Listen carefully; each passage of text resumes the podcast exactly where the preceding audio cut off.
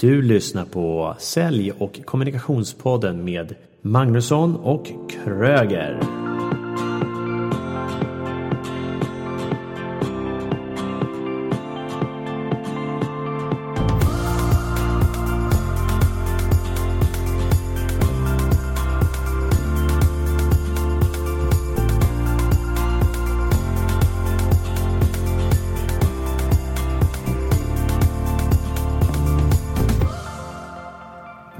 Välkomna till Sälj och kommunikationspodden med Magnusson och Kröger. Och det är jag som är Mikael Kröger. Och det är jag som är Daniel Magnusson. Och du lyssnar på avsnitt 4 och det är nyårsdagen och idag har vi med oss en väldigt speciell person. Hon har seglat Atlanten runt. Hon är entreprenör och hon jobbar med hälsa och haft många hundra anställda i tidigare bolag. Vem är våran gäst? Ingela Janlert på 360 grader hälsa. Varmt välkommen. Tusen, tusen tack. Superkul att vara här. Det är superkul att ha dig här också. Vår första gäst. Det här, är, det här är historiskt skulle jag säga. Och eh, vi pratar ju väldigt mycket sälj och sen pratar vi också mycket kommunikation. Och när du säljer hälsa, vad tycker du är viktigt att tänka på då? Finns det något extra som du, eftersom du har ju sålt andra saker också tidigare. Finns det någonting som du känner är extra viktigt när man jobbar med hälsa? Det absolut, absolut viktigaste och kanske också svåraste. Det är att lära känna den personen du pratar med och se vad den har för behov. Vad den vill ha hjälp med och är ute efter just då. För att när du, alla vi som jobbar med hälsa, vi är sådana människor som vill verkligen hjälpa och göra folk friska. Och, och, och då, vill, då hör jag, när jag är ute så hör jag och ser jag saker hela tiden. Och, och jag får ju ständigt bita mig i tungan för att inte slänga fram rekommendationer och råd när de inte har bett om det. Och det tror jag är faktiskt den absolut viktigaste delen. Alla som jobbar med hälsa ska tänka sig för mer och inte bara slänga ut råd och rekommendationer och, och, och se till att hjälpa alla att bli friska fast de inte har bett om det. För då kan de inte ta emot det. Och vad gör dig så, den här experten inom hälsa, varför är du en expert inom hälsa? Jag är expert på att se helhet. Det är min styrka. Jag tittar inte bara på en sak. Jag tror att ehm, det, det, eller jag vet att det finns väldigt, väldigt många människor som är mycket, mycket bättre än mig på specifika områden. Jag kan se helheten och titta på hela människans liv och se det finns ju olika saker som gör att vi mår bra, också olika saker som gör att vi mår dåligt. Det är inte bara en sak. Det tror jag eh, att jag är väldigt, väldigt bra på. Och nu vet ju vi att du är väldigt bra på den biten. Och, och så kan jag inte låta bli att tänka, jag menar igår eftersom avsnittet sänds här på nyårsdagen så var det väl förmodligen många som drack alkohol. Bland annat jag, antar jag. Och så kommer de här 10-12 äh, planeringen av nyårslöften. Hade du några nyårslöften? Varje år sätter jag nyårslöften. Det börjar redan i december när jag sätter mig ner och gör en äh, uppföljning av året som har varit. Och de löften jag satte det året, det januari. Mm. och ser, okej okay, de här lyckades jag inte med. Och de här lyckades jag med. Och det började redan i december att titta på det och måla upp. Så jag gör ju både i skriftlig form och målar och ritar. Så båda hjärnhalvorna får vara med och, och involveras i den här processen. Och så sätter jag mina mål i januari hur det här året ska bli. Sen har jag längre mål också. Mm, precis. Men, och det, det, är lite skillnad också, tycker jag egentligen, mål eller löften. Ja. Det blir som en liten definitionsskillnad. För löften är kanske mer som att ja, Egentligen ska det ju vara löften till en själv fast i många gånger tror jag att det kan bli löften till andra. Mm. Ja, jag lovar att jag ska gå ner i vikt. Mm. Eh, kanske är mer för någon annan än sig själv kanske. Mm. Du får en inspiration och sätter något, säger någonting tillsammans med kompisarna. Vi gör det tillsammans och så säger man det utan att det egentligen finns någon riktig vilja här inne. Mm. Eller plan eller ja. Det, Framförallt viljan tror jag. Det är den absolut största och enskilda anledningen till att folk inte håller sina löften eller mål som de sätter. Det är därför att de inte har en plan. Mm. Det är Min övertygelse att det är bara det det hänger på. Vi kan säga saker och önska och vilja och sätta mål och så. Men om vi inte har en plan för det kommer vi inte lyckas.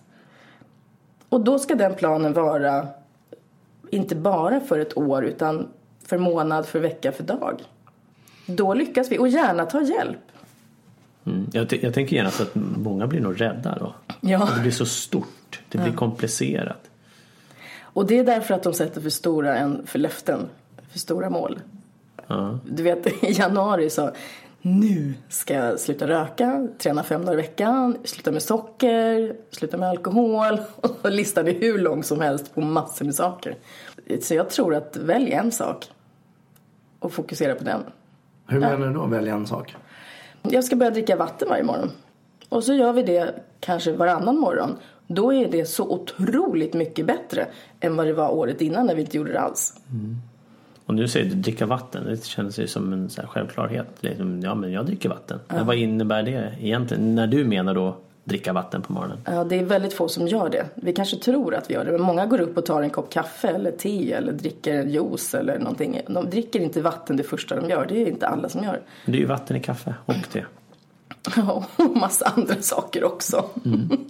det är inte bara vatten. Vi består ju till cirka 70% av vatten. Och när vi ligger och sover under natten så svettas vi flera deciliter. Även om det inte är jättevarmt i rummet så jobbar ju vår kropp hela natten med massor med saker. Under tiden nu som vi sitter här så sker det otroligt många processer fast vi inte tänker på det. Vi svettas, våra hormoner gör sitt, tarmsystemet gör sitt, blodcirkulationen, andningen.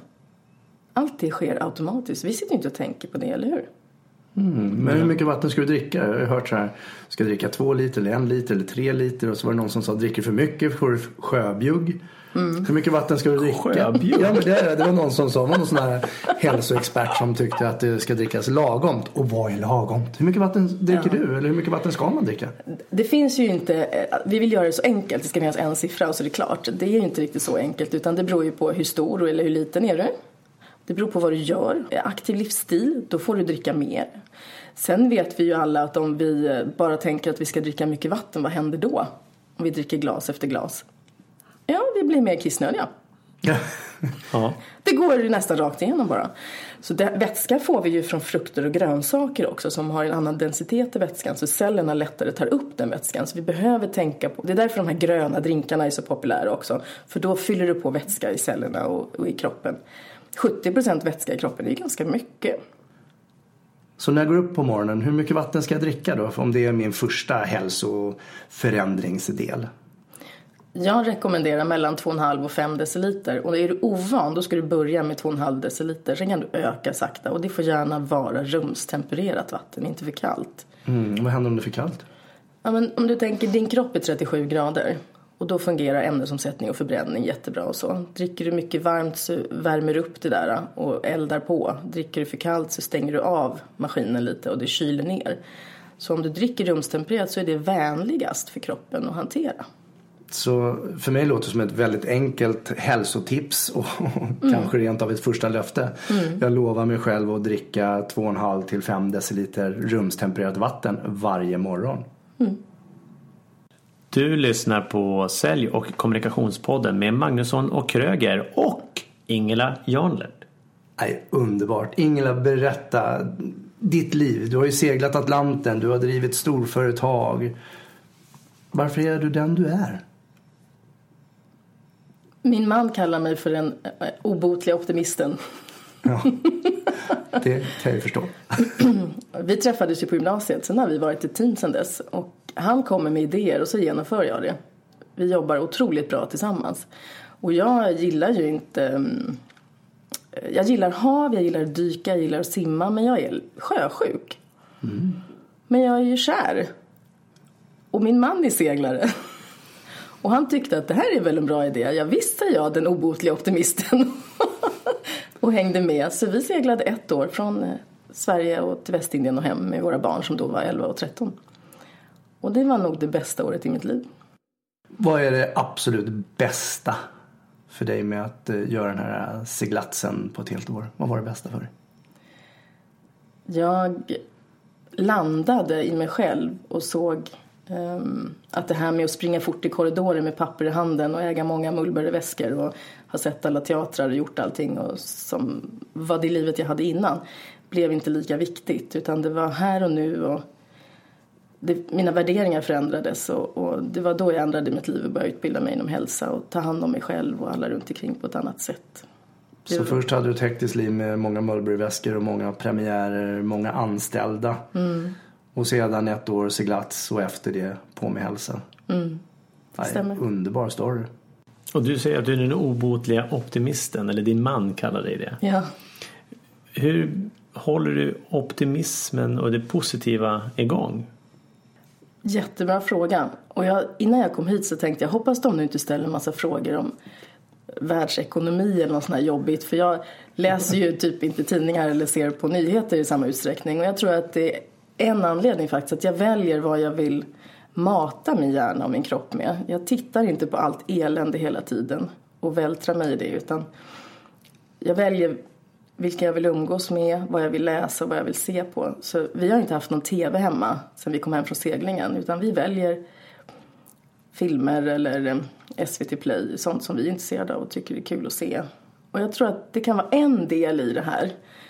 Men jag vet inte om det är hela sanningen eftersom jag alltid har varit eh, en, en person som ser möjligheter istället för problem. Mm. Så jag går in i lösning, lite sådär maskulint beteende, jag går in i, i lösningsläge väldigt lätt. Just det. Mm. det men det, jag, jag håller med dig. Jag tror att det är definitivt viktiga delar. Lite, precis som vi matar vår hjärna då, som du säger med ja, nyheter eller, mm. eller välja att mata med något positivt lika väl som att man tittar på då, hälsa till exempel med att mm. mata sin kropp med vad vi stoppar in. Mm. Det som vi stoppar in kommer ut. Mm. I vissa fall så kanske inte kommer ut utan stannar kvar. Precis. Då kom jag på att jag har ju mina föreläsningar med Yes Group som jag gör regelbundet för att få hålla igång det här positiva och glada med en grupp av människor som är lite mer positiva och tokiga. Och det hjälper mig att hålla mig lite positiv och tokig också och se möjligheter. Men du är alltid glad. Eh, jag tror aldrig jag sett dig sur, grinig, irriterad någon gång utan du har ju ständigt ett leende på läpparna. Du sprudlar med energi och eh, nästan som att du flyter fram ovanpå marken. Mm. och så kom jag på när jag var lite krasslig en dag här när vi träffades och hade ett möte så kom du och gav mig någon, som jag skulle beskriva någon um, alggrön brun sörja som var spännande att dricka och sen gav du mig en näve med piller. Och, och så sa du att du hade varit krasslig på morgonen också. Men du hade fortfarande samma leende och alltihopa och då visade du vad du hade petat i det. Och jag tror säkerligen jag höll på en kvart, 20 minuter och peta i med alla de här äh, sakerna. Och märkligt nog så blev jag ju bättre efteråt. Men är, behöver jag äta piller? Är det kopplat till hälsan? Och eftersom jag inte har någon aning vad jag stoppar i mig så kanske du skulle berätta vad det var. Absolut. Ingen människa överlever utan piller. Nej. Nej, skämt åsido. Ju mer jag utbildar mig, desto mer förstår jag hur lite jag kan. Mm. Det är vanligt förekommande för mm. de som är intresserade av att utbilda sig mer. Mm. Och jag tror att det här med hälsa är det vi vet idag och tycker är självklart idag. Om hundra år kommer de säkert skratta om oss och tycka annorlunda. Precis som man gjorde Eh, för länge sedan när man kom på att om man syr igen livmodern i mammans mage när man gjort kejsarsnitt så överlever mammorna i mycket högre utsträckning. Titta vad bra det blir. Ja, det... och det tog ett tag att fatta och sen nu är det självklart. Men det var det inte då. Och jag är ju en sån person som upplever att, eller som alltid har tyckt att vi får det vi behöver i maten. Det räcker. Eh, tyvärr ser det ju inte riktigt ut så där ute nu när hur maten odlats, odlas. Den Eh, är på glasfiberbäddar och mycket besprutningar och får inte solmogna ordentligt. Och som, drömmen vore om vi alla hade vår italienska trädgård där vi kunde gå och plocka det solmogna goa. Då skulle det vara mycket mer full av näring. Mm. Och väldigt trångt i Italien. Ja! ja, just det. Väldigt trångt i Italien. Ja, verkligen. Det vore ju drömmen. Nu är det ju inte riktigt så och därför har jag då valt att leta upp något tillskott lite omega-3 och lite vitaminer och antioxidanter som jag tycker är bra. Och då, kriterierna för mig var att de inte skulle vara fulla med gift och att de inte skulle vara mm, eh, syntetiska utan de ska vara helt naturliga så kroppen känner igen och plockar det den vill ha. Så det du fick av mig, det var en liten antioxidantdryck där som när jag känner att jag blir krasslig då kan jag ta några glas av det så går det över mycket fortare. Då hjälper jag kroppen, för den jobbar ju för fullt där inne för att göra mig frisk. Det är ju så att bakterier och virus finns ju runt om oss precis hela tiden. Det beror ju bara på vad vi har för immunförsvar. Om vi har jobbat jättemycket och stressat mycket, ja då blir ju immunförsvaret sämre under en period. Men för att återgå till din fråga så elitidrottare de är ofta mer vana vid att man tar lite extra omega-3 eller proteindrycker för att hjälpa kroppen hålla den höga prestationsförmågan och återhämta sig snabbare. Vi vanliga människor tycker ju det är lite konstigt. Piller, det hör ju till mediciner. Mm. Och jag håller med. Jag tycker också det är tråkigt. Jag skulle vilja ha det som en, en tallrik på tallriken istället. Men det är ju lite svårare att hålla det fritt från syre och oxidering. Så man behöver skydda de här näringsämnena som är så koncentrerade och leverera, infrastrukturen, leverera de här på något bra sätt så att de håller och därför har man kapslat dem. Mm. Och då, när jag vet att ja, det här är lite mat i en kapsel, då kan jag lättare, ja, så jag tar ju alla i en klunk. Du höll på en kvart.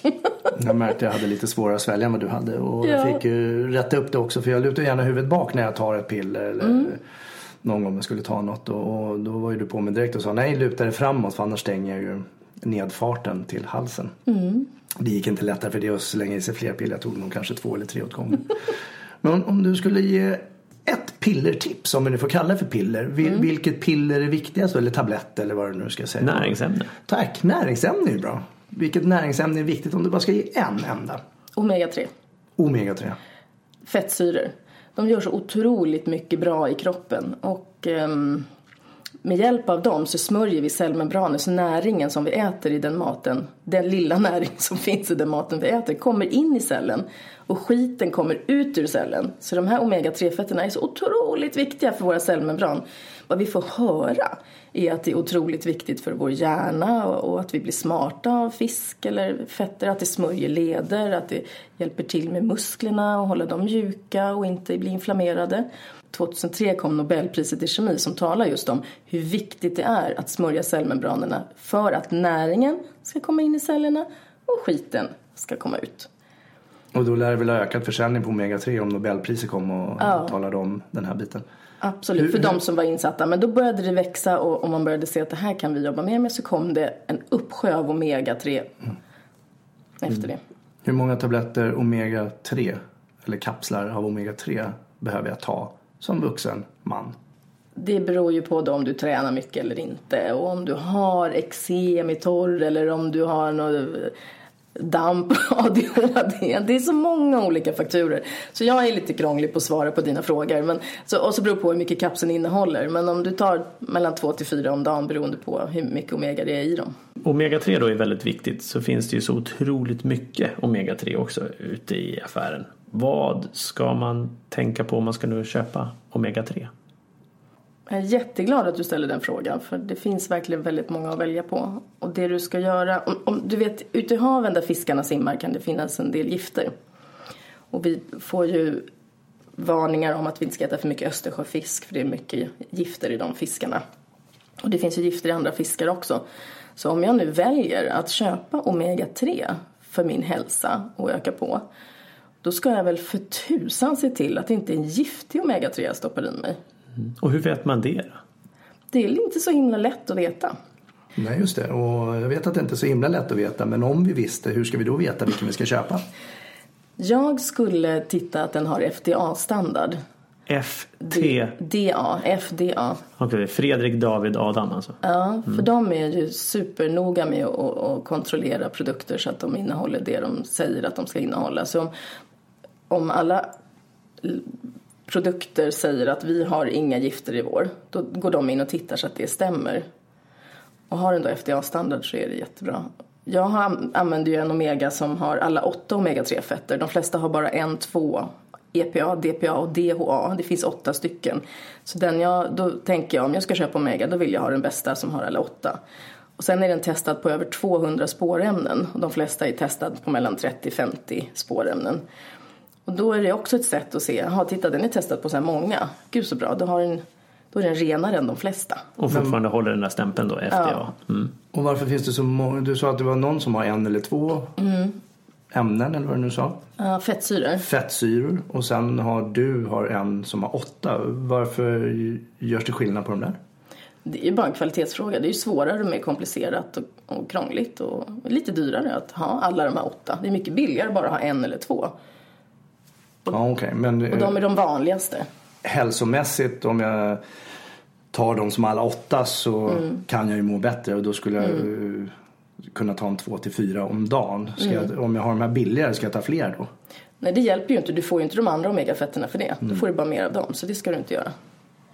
Så vill jag ha rätt omega-3 så är det med åtta stycken Omegafetter.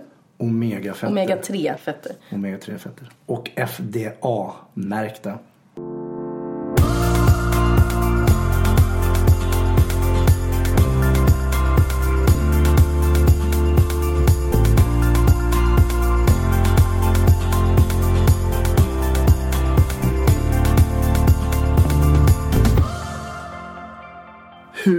Ut med hälsobudskap? Jag vet att du är ute och föreläser. Jag har varit på ett av dina frukostseminarier. Jag har inte varit på någon utbildning än. Men hur når du ut med just det här hur viktigt det är med hälsa? Jag är ute och nätverkar mycket och träffar mycket folk. Jag älskar att mingla. Min man säger att han är hellre seglar i storm runt Kap Horn än minglar. Och jag gör precis tvärtom. Kompletterar varandra bra där. ja, gud ja, det gör vi. Så Och vad har Gud med saken att göra? Jättebra fråga. Ja, det var därför jag ställde den. Ja. När, jag, när jag, Per och jag var 18 så gick vi ur Svenska kyrkan och vi tog också ut våra barn för på den tiden blev de automatiskt med i Svenska kyrkan. Så jag tänkte att de skulle få välja själva. Och så startade vi cykelbud och bestämde att de skulle heta cykelbudisterna. Men sen kom vi på att nej, det ska det nog inte göra. Då valde vi ett annat namn. Mm, så när jag är ute och minglar, då lyssnar jag. Och så när jag berättar vad jag jobbar med, då börjar folk prata. Och ställa frågor.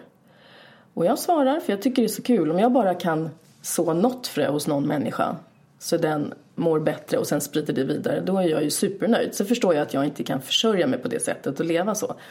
Men när de får utav mig så blir de nyfikna och vill ofta ha mer. Och det kan då resultera i en föreläsning eller i en hälsorådgivning. Eller att de köper några produkter. Så jag börjar med att ge. Har du hälsorådgivning i grupp eller är det då individuellt? Individuellt. Jag tänker det är ju väldigt många som, ja, i januari kommer ju köpa gymkort. Mm. Eh, Det är väl januari och augusti som det är högre försäljande gymkort och sen så Precis som jag själv har gjort har jag gått och tränat eh, flitigt i kanske två månader och sen så är jag stödmedlem som jag brukar kalla det för och- bara betalar hela årsabonnemanget utan att nyttja det. Men hur når man fram i den här delen? För att många kopplar hälsa till träning. Och du kopplar ju hälsa även till, ja, som du nämnde tidigare, vatten, eh, vissa tillskott, eh, olika mönster och ganska enkla knep. Men, men hur når vi ut i den här enorma djungeln av hälsoträsket? Mm. Och det där är ju en sån himla bra fråga. Och jag vet inte om jag har något svar på det. Därför att hälsa är ju så abstrakt. Dels lever vi alla i, vi lever i någon sorts masspsykos där vi går runt och tror att, att vi inte har någonting att göra med det här. Och precis som du säger så tänker vi hälsa, då ska vi börja träna, det är hälsa. Men det vet vi ju alla att det finns ju de som tränar mycket som mår dåligt, som förstör sina kroppar. Så det är ju inte hela svaret, även om att vi behöver röra på oss absolut ingår i hälsa. Men den här masspsykosen att det hör till åldern. Nej, men det här hör till åldern. Nej, jag har bred benstomme. Det finns många såna här. Det, det är den ena som jag tror är en stor fara som sätter käppar i hjulen för oss. Det andra, det tror jag är att, att hälsa är så abstrakt.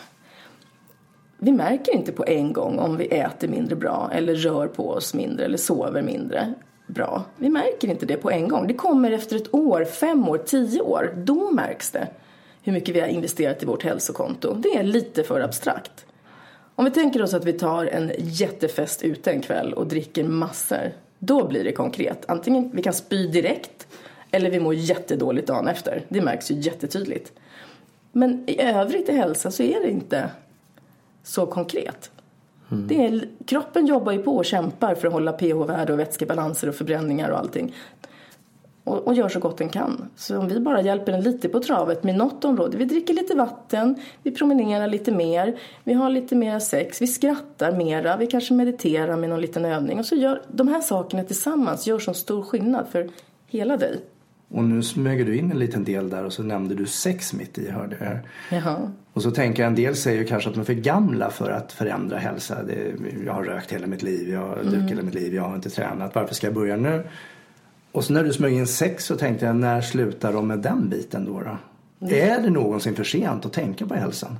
Nej, det är aldrig för sent. Hälsan eller sexet? Eh, Hälsosex. Ja, okej. Ja. Och hur ofta har du sex Ingela? Jag tror att de har sex senare än man tror. Alla, vi har sex så länge tills vi bara inte kan längre. Och då är det här asiatiska synsättet när man får massage och man får massage på hela kroppen och även happy ending.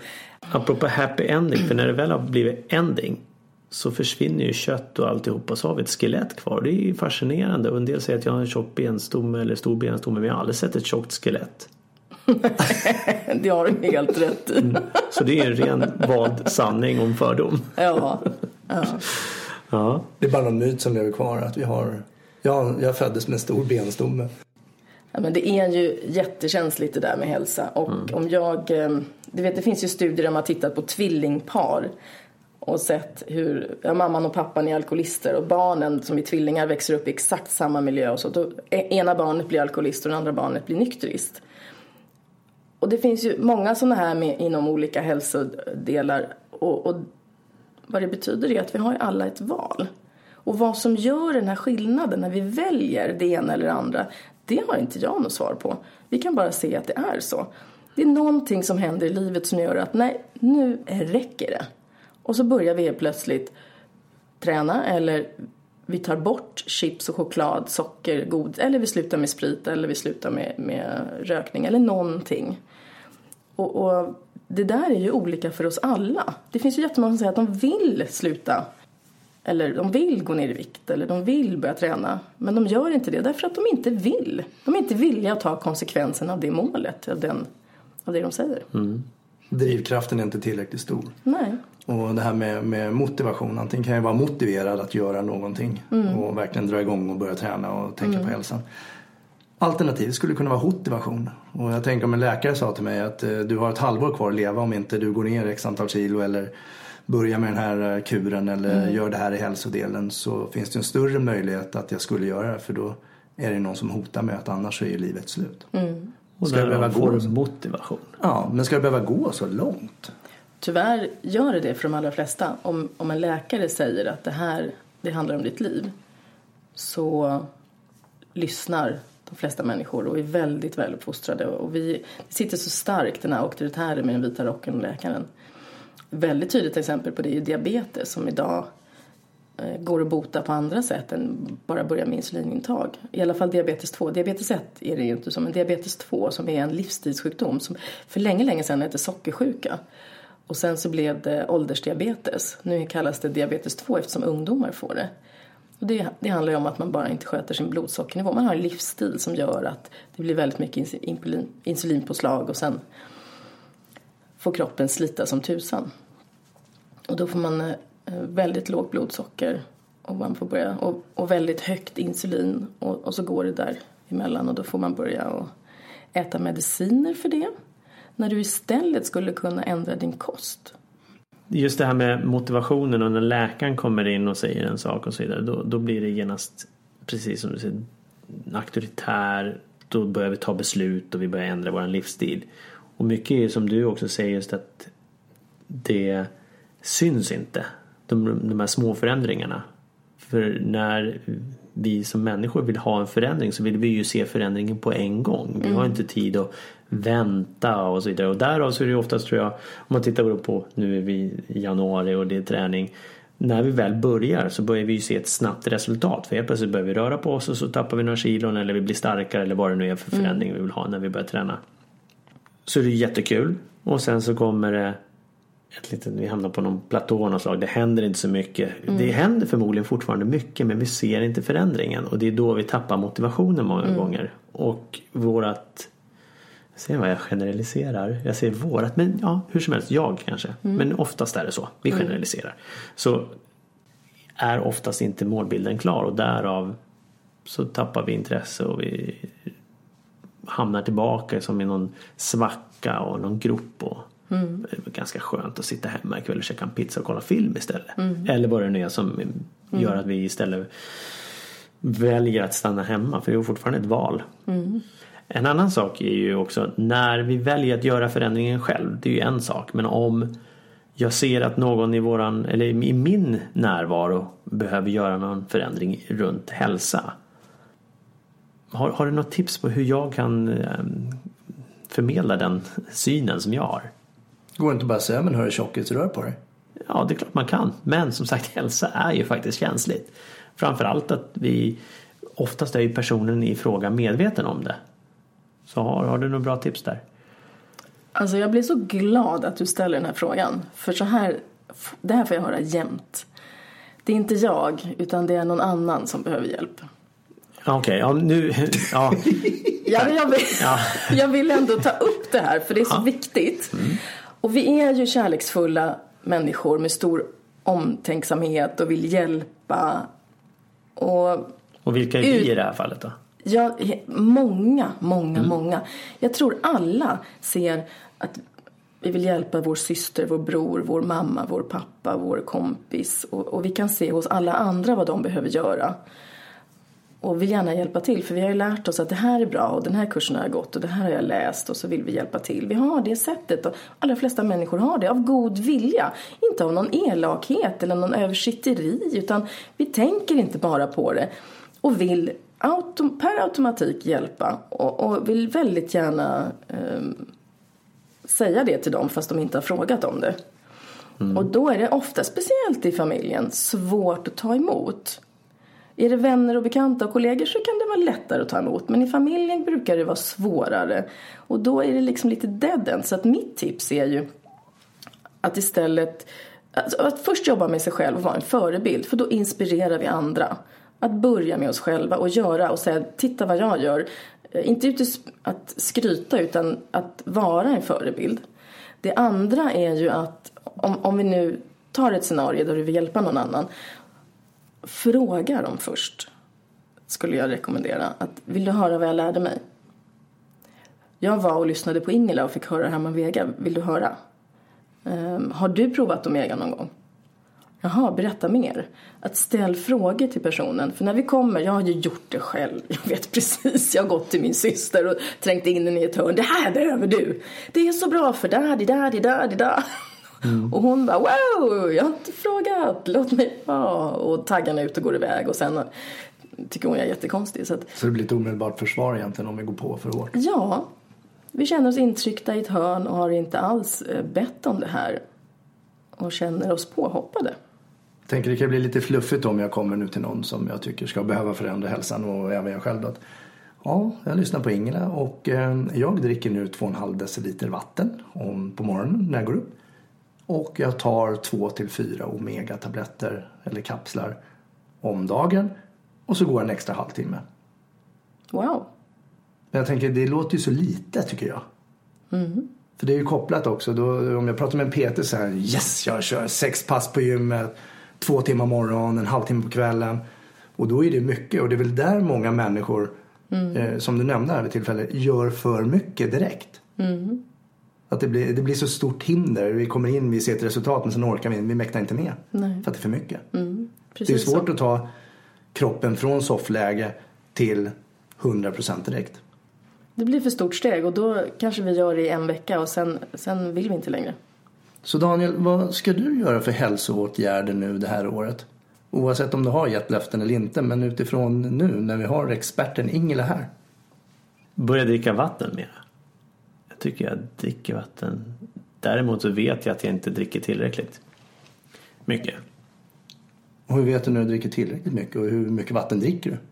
Ja, då springer jag på toaletten hela tiden förmodligen. Då vet jag, nu dricker jag för mycket. Och när jag behöver springa på toaletten lite mindre, då dricker jag lagom. Mm. Men då kan jag rekommendera dig att du pressar citron i vattnet. För då blir det basiskt, alltså ganska mycket citron så vattnet blir grumligt och grått. Då hjälper det kroppen att basa den. För om, vi har ett pH-värde i kroppen som är 7,34 och det vill kroppen, teoretiskt sett är det det vi ska ha, annars dör vi. Men praktiskt sett funkar det ju inte så utan kroppen jobbar ju för fullt med massa andra saker. Men det mesta vi äter försurar kroppen. Och det är, det är nästan 80-20 regel. Så om du hjälper till att basa kroppen lite mer, och det gör du med allting i stort sett som innehåller vätska, alla grönsaker, så om du också häller citron i vattnet, så även om den är sur på pH-sticka här ute, så gör den basiska egenskaper i kroppen. Så det kan ju vara ett väldigt trevligt sätt att dricka vatten på, att hälla citron i. Ja men det är ett bra tips med citroner i vattnet. Det, smak, det ger lite smak och då tänker jag så här, ja men loka då med citronsmak. Och det är ju jättekul att du tar upp också. För vi, jag är ju av den uppfattningen att, att när det är fanatiskt så blir det, blir det då mår jag dåligt, det gillar jag inte. Jag gillar att kunna välja själv. Så jag dricker vin ibland, jag äter bröd ibland, jag äter choklad ibland. Jag vill inte vara fanatisk och ta bort allt så. Och då när folk dricker vin så vill de gärna ha ett glas vatten till. Det har ni varit med om va? Mm. Och då kan man välja mellan vanligt vatten och bubbelvatten, eller hur? Mm. Och att du dricker bubbelvatten till, då blir det ytterligare en försurning för det är ju kolsyra. Mm. Så det hjälper ju till att försura. Så om du då ändå ska ha vatten för att kompensera mot vinet du dricker, snälla välj inte kolsyrat vatten, välj vanligt. Mm. För då funkar det. Det låter ju bra och jag, eftersom jag är sommelier så skulle ju inte jag rekommendera eh, bubbligt vatten till vin heller ta varannan vatten men ta kanske vinet och sen så tar du vattnet. En del, tittar man på vinprovningar så brukar ju folk gå dricka, prova vin och så dricker de vatten men då höjer och sänker pH-värdet hela tiden i munnen också. Så första vinet smakar alltid surt. Oavsett om det är surt eller inte för att det är en helt annat pH-värde. Och sen så dricker du vatten och så neutraliserar du igen och så tar du ett nytt glas vin eller provar smakar och blir det surt igen. Mm -hmm. ja, en liten utläggning runt vin. Men det är ju det jag brukar säga att det första glaset vin är oftast ganska surt. Det blir bättre efter ett par, tre, fyra glas. Ja och det, det, och, ja, och det kan ju bero på olika saker. Men det första är surt för att det, är, det har en, en helt annan pH-värde än vad, vad du har redan i munnen. Men vi har ju förhållandevis bra vatten i Sverige mm. i, från våra kranar. Mm. Vad säger du om det här med alla olika vattensorter som finns i butiker och affärer? Allt ifrån några kronor upp till många, många kronor. Det är ju ganska dyrt egentligen. Mm. Vad, vad, är det bättre att köpa vatten på flaska, eh, stilla vatten då, icke kolsyrat eller, eller är det helt okej okay att dricka kranvatten nu ur hälsoperspektiv? Titta vad, vad vattnet innehåller, vad det har för pH-värde och välj utifrån det. Och en del, har du en egen brunn så titta vad vattnet innehåller. Har du eh, kommunalt vatten så att du bara får det, då är det bra vatten. Men det är ofta väldigt hög klorhalt. Då kan du hälla upp i en tillbringare och bara låta det stå ute i eh, på köksbänken så försvinner det lite grann. Så det är ju ett enkelt sätt. Och eftersom du speciellt upp på morgonen ska ha rumstempererat vatten i din mage i första så är det perfekt att ta en tillbringare och ställa på bänken över natten. När det gäller hälsa, hur viktigt är det och vad utstrålar det? Och är det någonting specifikt vi ska tänka på om man tittar på om man jobbar med försäljning eller vad kommunicerar hälsa? Hur ser du på det? Hälsa är ju, det är så stort och brett ämne. Du kan ju vara överviktig och hälsosam och smal och ohälsosam. Det går inte att säga att ja, du är en hälsosam person bara genom att titta på någonting. Titta på en person. Men det är inte hela sanningen. För när du och jag träffas så ser jag om du har fullt av energi. Om du är grå och trött och sliten. Eller om du är full av energi och rosig på kinderna och glad. Och, och, det är väl på det sättet vi först ser om någon är hälsosam eller inte. Att det är en person som tar hand om sig själv, som har energi och är glad. Är den väldigt trött och grå och sliten så ser det ut som att det här är en person som inte mår bra, kanske inte tar hand om sig själv. Och så kommer alla våra fördomar igång. Det kan ju vara så att det är en person som har en partner som ligger i cancer och håller på att dö och, och personen mår väldigt dåligt. Men, men egentligen äter bra men har svårt att sova just nu eller någonting. Att titta på någon bara i vårt jobb och döma, det gör vi ju hela tiden. Det tar ju bara några sekunder så har vi dömt om vi träffar på möten. Och så säger vi, nej det där är en tjock person, den är nog ohälsosam. Ja, det där ser ut att vara en, en jätteglad klämkäck typ. Väldigt hälsosam säkert. Men den personen kanske bara slängt på sig eh, en av sina roller som den går in i och är klämkäck och glad. Mm, jag tänkte säga släng på sig lite brun utan sol. Men Jaha, ja. sminka till sig lite. Mm. Jaha, absolut. Mm. Så vi ska inte döma människor för att de är eh, överviktiga Eh, Men jag tänker någonstans så blir ju det utifrån fördomar att det är ju där vi kopplar snabb hälsa. Och det intressanta som jag hör dig säga nu det är ju egentligen energierna. Och jag har ju kompisar som är överviktiga och, men har en sprudlande energi och då kan ju de må bra Precis. utifrån sig själva. Men det handlar väl också mycket om om jag älskar mig själv eller inte älskar mig själv eller om jag tycker om mig själv och accepterar mig själv eller inte. Men det är väldigt lätt att döma för att det är någon som är lite tjock så tänker vi du borde nog börja träna. Precis som jag själv tänkte om mig själv en gång i tiden.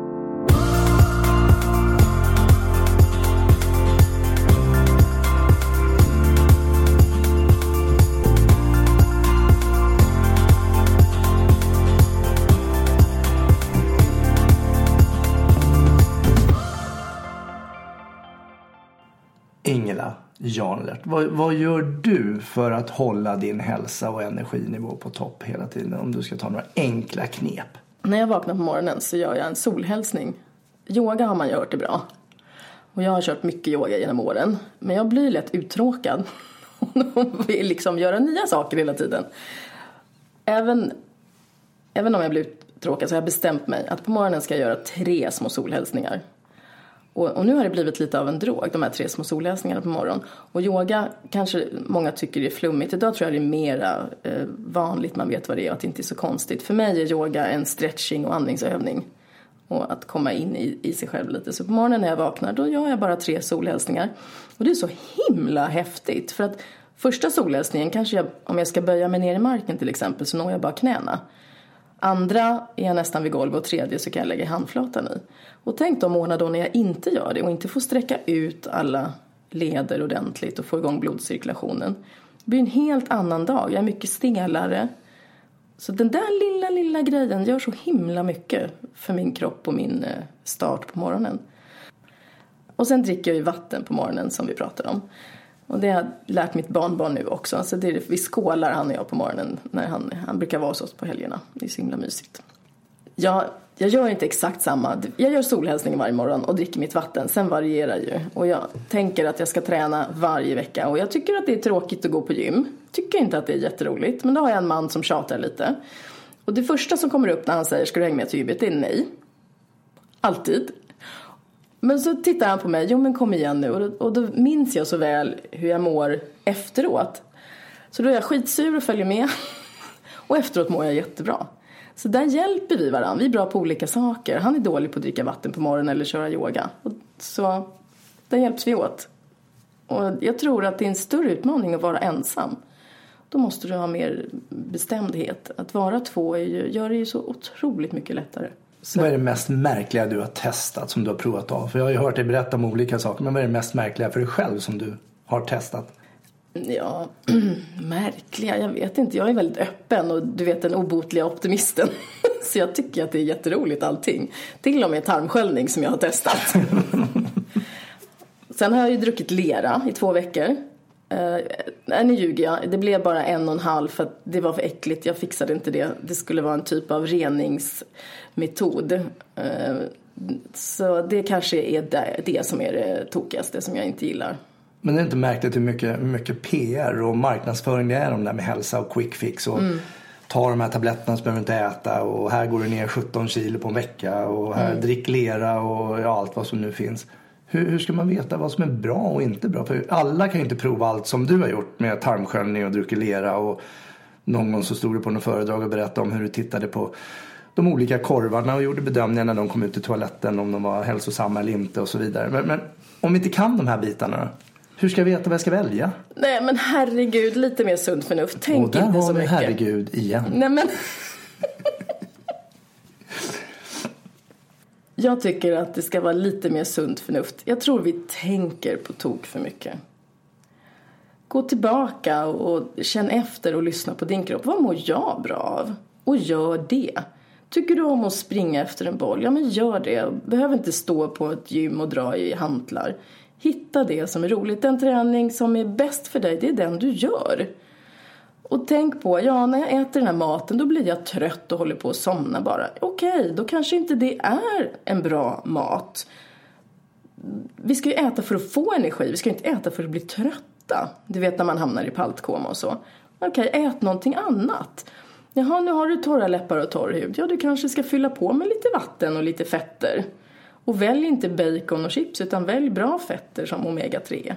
Lär känna din kropp. Om du är hård i magen eller alldeles lös, okej, okay, då kanske du har ätit något fel. Ät någonting annat. Prova att äta mera grönsaker och se om tarmarna funkar bättre. Vår kropp pratar med oss hela tiden. Vi behöver lära oss att lyssna på den, inte lyssna på alla löpsedlar och konstiga dieter. Lyssna på kroppen. Säger hälsoexperten Ingela Jarn. Och det finns ju också mycket man har ju hela tiden man ska sluta med det eller man ska börja med det. Om man skulle sluta med någon specifikt intag eller verkligen minimera intaget av någonting. Vad skulle du rekommendera att man skulle minimera av då? Socker.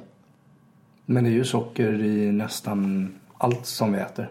Allt vi dricker, allt vi äter. Det finns socker i, i kokt skinka som vi köper färdig och har på smörgåsen. Det finns socker i stort sett i allt. Så du menar att det var socker i julskinkan för en vecka sedan ungefär? Ja, jag har inte kollat in alla julskinkor nu som man tittar på. Men om du tittar de här skivad skinka som du har till frukostbordet. Så, så är det många av dem. Och rökt skinka som du köper där är ju inte rökta på riktigt. Det är bara en rökessens. Det har kommit 70 000 nya tillsatser i livsmedelsindustrin sedan 50-talet. Det finns ju så otroligt många åsikter om det här. En del säger sluta med kött, en del säger sluta med mjölk. Så, så det finns de som tycker så. Sen finns det då det här med säd att vi inte behöver så mycket säd. Det förstör tarmarna. Med gluten och, glu och det? Ja, ja. glutenallergi och så. Och, och jag tror att om vi bara det, det är samma sak med alkohol. Om du dricker jättemycket alkohol så blir du alkoholist och får problem att sköta ditt liv. Och magen mår inte bra och kroppen mår inte bra. Bakterierna dör. Det är ju samma sak med allting. Om du äter jättemycket av en sak, ja så mår ju inte kroppen bra. Du behöver ju en variation. I Japan och borta i Asien pratar man om att vi ska ha 30 olika födoämnen per dag. Mm. Så tänker man där. I Sverige och i Världshälsoorganisationen här i västvärlden pratar man om att vi ska ha mellan 5 till 7 portioner frukt och grönt om dagen. Då tänker man annorlunda. En portion är ungefär 125 gram. Om dagen? Mm. Oj. Hur många gör det? Så socker är då ditt tips att vi ska verkligen skära ner, minimera så mycket som möjligt? Det är en av de starkaste drogerna som, som vi inte tror att vi är beroende av men de flesta är det. Så se över det, vad, vad du äter och vad socker, det mesta innehåller socker. Se vad du kan minska ner på där så kommer det göra en stor del för din hälsa. Mm. För det är ju skillnad på tillsatt socker och eh, naturligt socker som redan finns i mm. produkten mm. såklart. Om du tänker att du äter frukter då innehåller ju det socker. Men då har du också fibrerna där vilket gör att när du äter det så blir det inte så stort påslag och belastning på kroppen. Det blir en långsam kolhydrat eftersom du har fibrerna med. Men om du pressar den här apelsinen och bara tar, dricker juicen då får du en jättesnabb kolhydrat och det belastar kroppen mycket sämre och levern får, får jobba hårt som tusan. Och, och, så då pressad apelsin det reagerar likadant i kroppen som om du drick, äter socker, bullar, kakor och alla andra snabba kolhydrater. Okej, okay. intressant. Så hel frukt istället mm. för fruktjuice? Ja. Ja, jag har en tjejkompis som eh, jobbar mycket motstånd med det här med socker. Hon har tryckt upp några armband, sådana gummiarmband som det står 'fuck sugar' på. Ja, underbart. Och, men det gäller väl att bara få ett medvetande kring det här med sockret också. Mm. Just att det är som du säger socker i skinka, socker i, mm. ja, i stort sett alltihopa. Så fuck sugar. Rent kommunikationsmässigt då, hur ska vi prata till oss själva? När vi ska ändra till exempel våra kostvanor. Vi ska vara snällare mot oss själva. Jag tycker att det är den stora, stora faran. Att vi ställer massa höga krav och önskningar och när vi inte klarar dem så känner vi oss misslyckade. Och så nej, det här är nog ingenting för mig. Och så ger vi upp. Skit i det här nu. Hit med bullarna eller hit med vinet. Vi är, för, vi är för hårda och för tuffa. Tänk dig nu om du har levt 2015 på ett specifikt sätt och så tänker du att du ska ändra nu 2016. Och så tänker du, ja men nu ska jag göra det här fem gånger om dagen. Och så gör du det en gång om dagen. Vad det nu är, dricker ett glas vatten till exempel. Då är det ju en gång om dagen, det är ju alltså 365 gånger bättre än förra året. Mm. Alltså att titta på de här små sakerna du gör och hur fantastiskt det är. Det är ju bättre än ingenting.